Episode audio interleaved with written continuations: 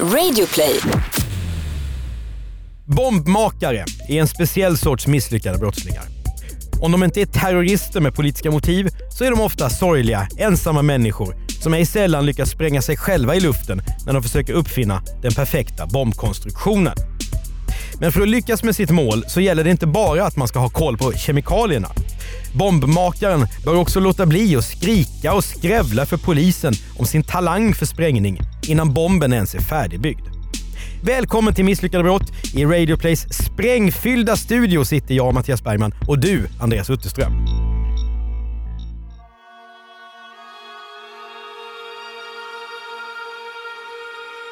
Låt oss förflytta oss till Östermalm.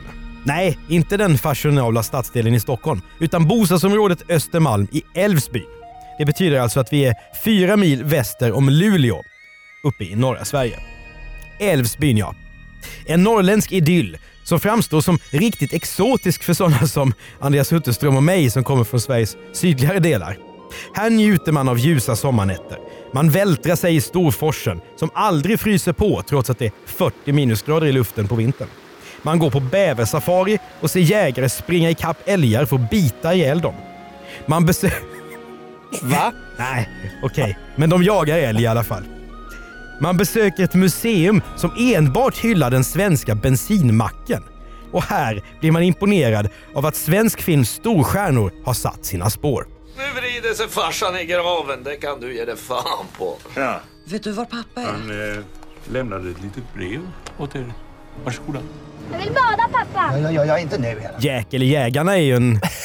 Kommer du ihåg den? Ja, ja, ja. Hans... Han är så jävla elak där med den här hustrun och så.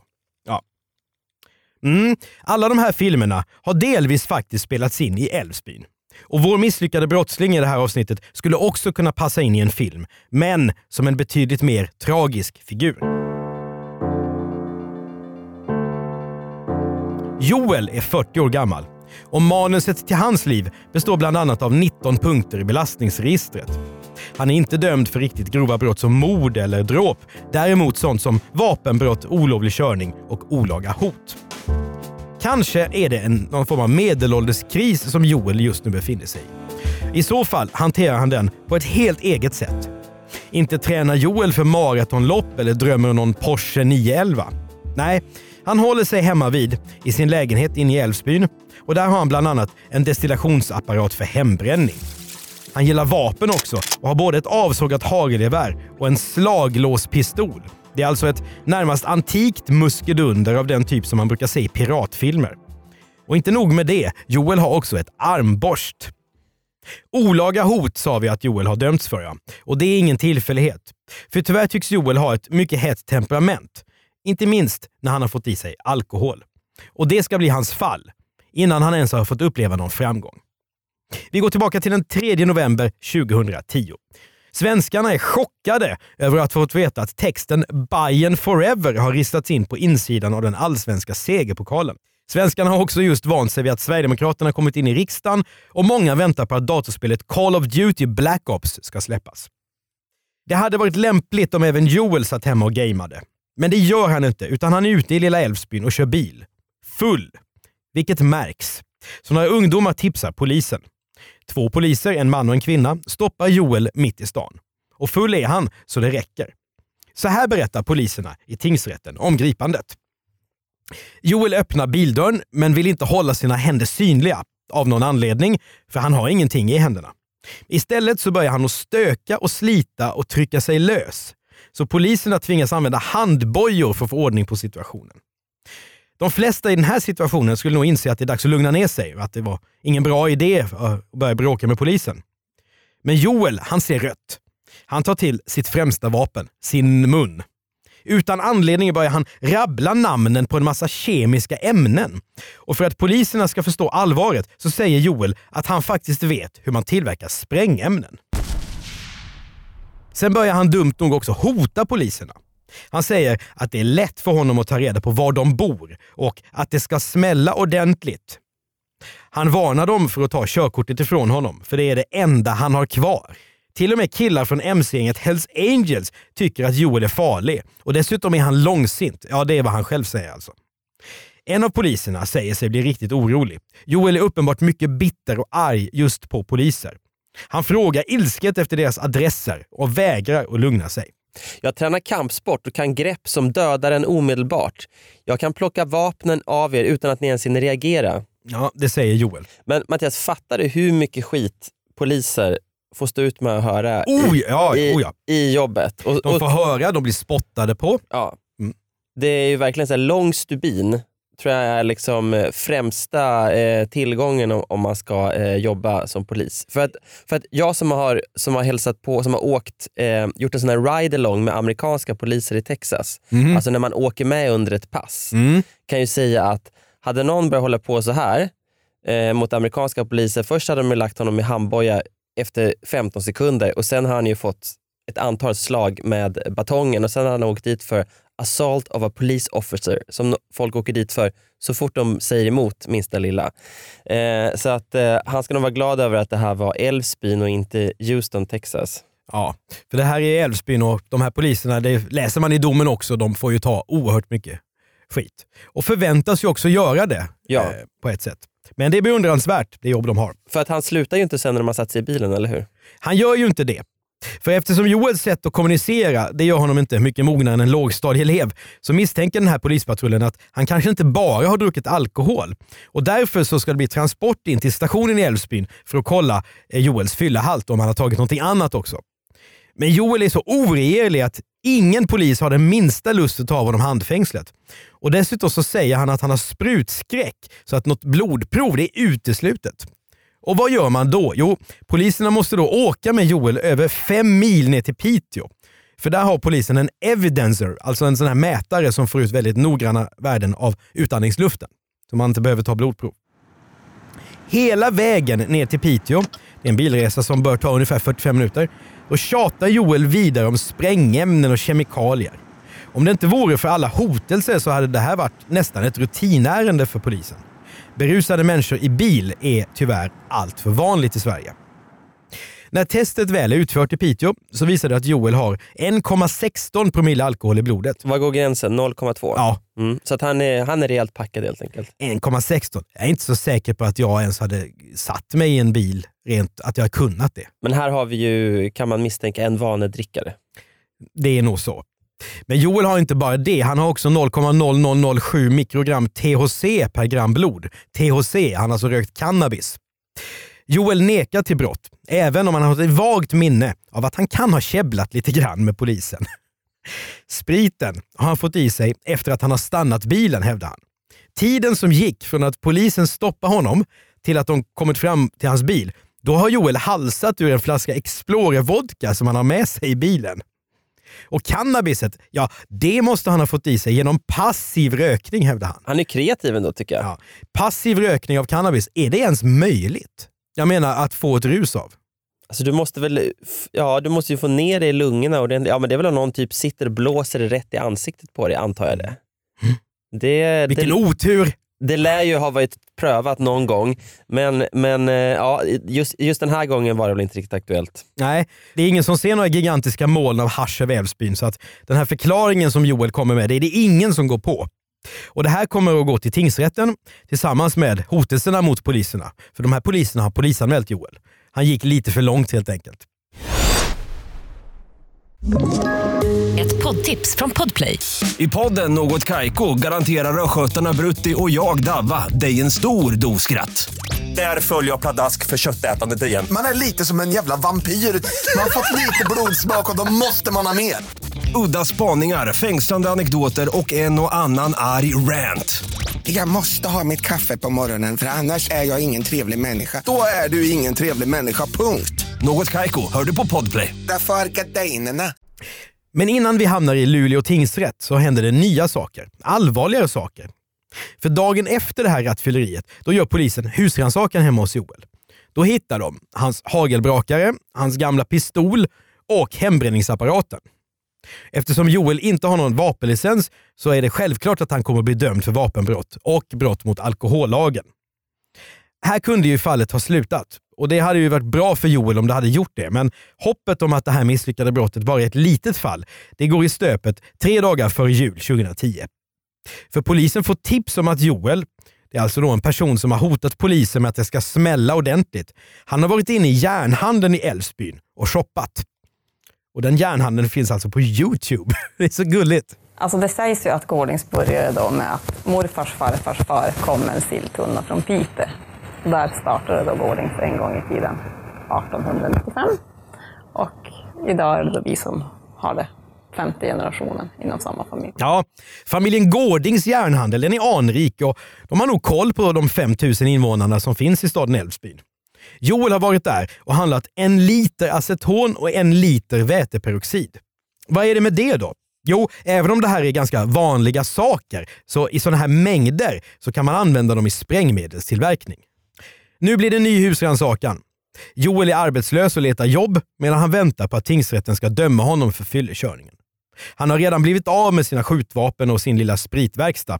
Nu kommer polisen tillbaka och beslagtar fler grejer hos honom.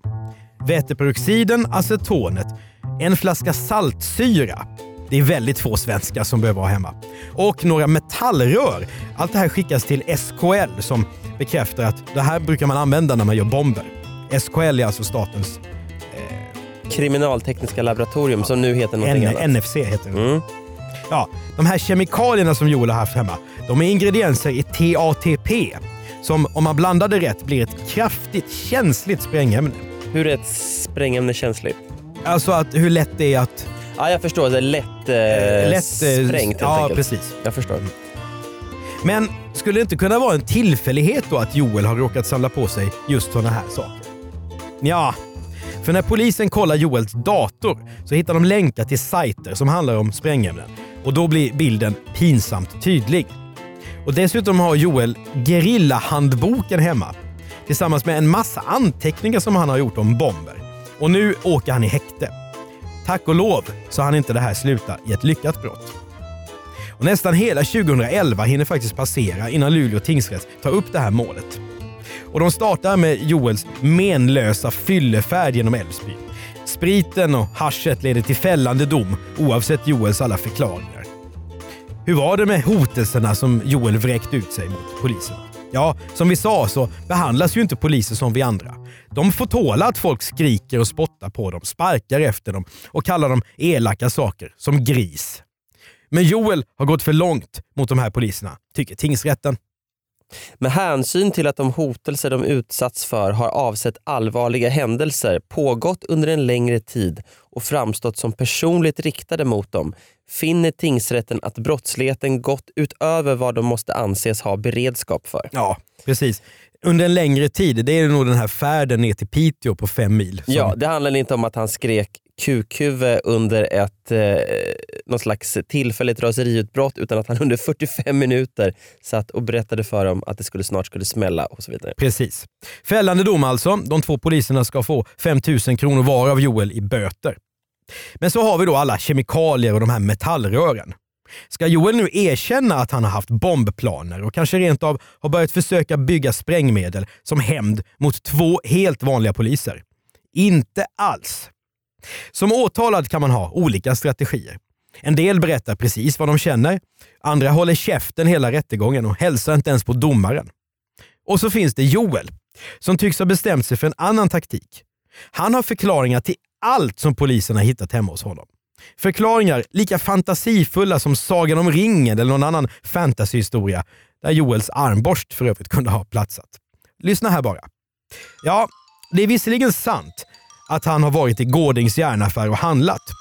Men Joel skulle inte alls bygga någon bomb. Han råkar nämligen ha en schäfer som har löpt så att lakanen hemma har fått blodfläckar. Så all den här väteperoxiden skulle han använda till att få bort fläckarna. Acetonet då? Mm. Jo, det är ju ett lösningsmedel. Och Joel säger att han har tänkt att använda det för att få bort glasfiberspackel från sina verktyg. Okej, eh, men saltsyran då? Jo, Joel tänkte testa att ge sig på att etsa i aluminium. Och då behöver man ett sånt medel som saltsyra. Men nu gick inte det här så bra, säger han till tingsrätten. Istället så gick Joel lös med sin saltsyra på några kakelplattor hemma. Så han ska få bort kakelavlagringar. Men Grillahandboken då, vad sa han om den? Jo, den här boken har Joel ägt i minst 20 år, säger han. Han läser aldrig i den. Och alla de här anteckningarna som han har gjort, där han har ritat formler och olika skisser på bomber. Ja, det är några böcker som han har skrivit av innan han har sålt böckerna. Joel kan inte alls så mycket om kemi och sånt där, hävdar han. Så att, att han skulle ha hållit rena kemilektionen för poliserna när han blev gripen, det kan inte han tänka sig ens ha hänt. Provrör och kolvar då, som hittades hemma, hemma hos honom. Mm, det tycker Joel är liksom fina saker som han har köpt på återvinningen och tänkt ha som prydnad i en hylla. Metallrören. Här blir det lite mer invecklat. Joel säger att han har skaffat husbil. Men husbilen den har bara kallvatten. Så Joel har tänkt att han ska dra metallrör från kylaren på bilen. För bil, kylaren är en värmeväxlare. Så att från kylaren så ska rören gå till duschen i husbilen så att vattnet blir varmt och skönt. Så att en del av de här rören, att de var tilltäppta i ena änden, precis som i en rörbomb. Det var inget konstigt alls, tycker Joel. Men var är husbilen? Mm, den finns ju inte kvar då för att den sålde Joel innan han hade byggt färdigt det här vattenledningssystemet, säger han.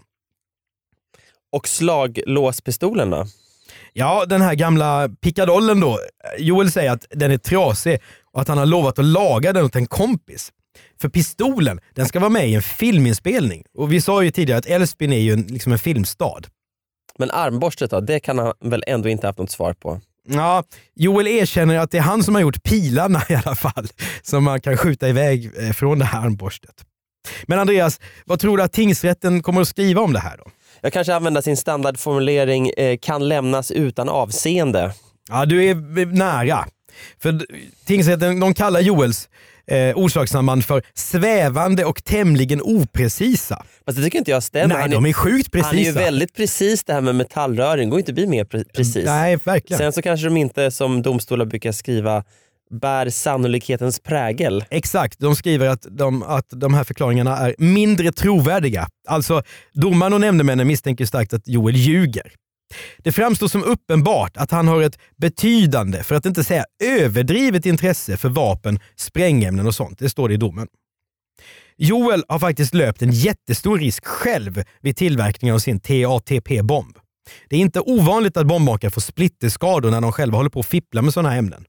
Och riskavståndet för en sån här bomb det är flera hundra meter.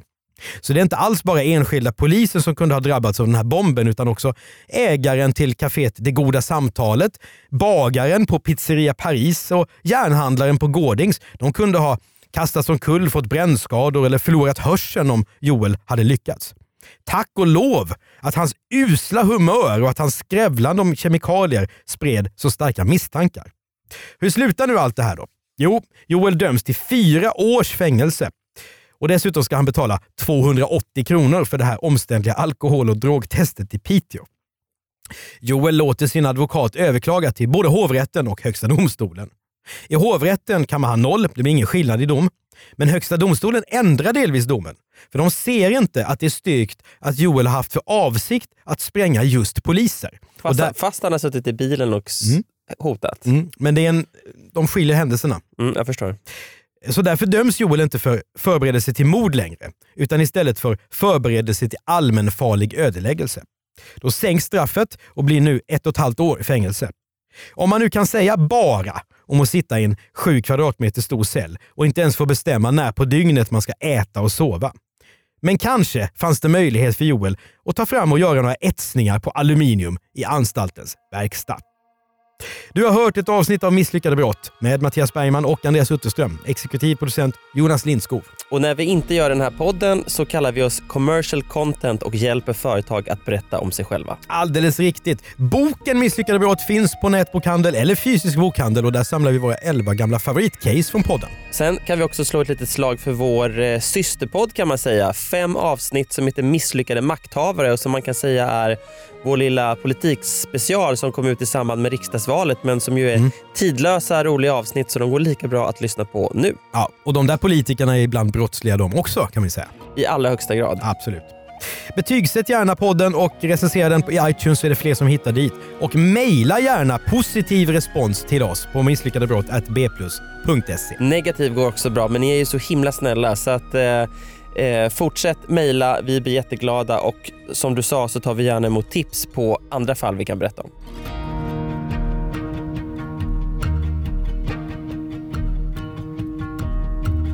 Mm.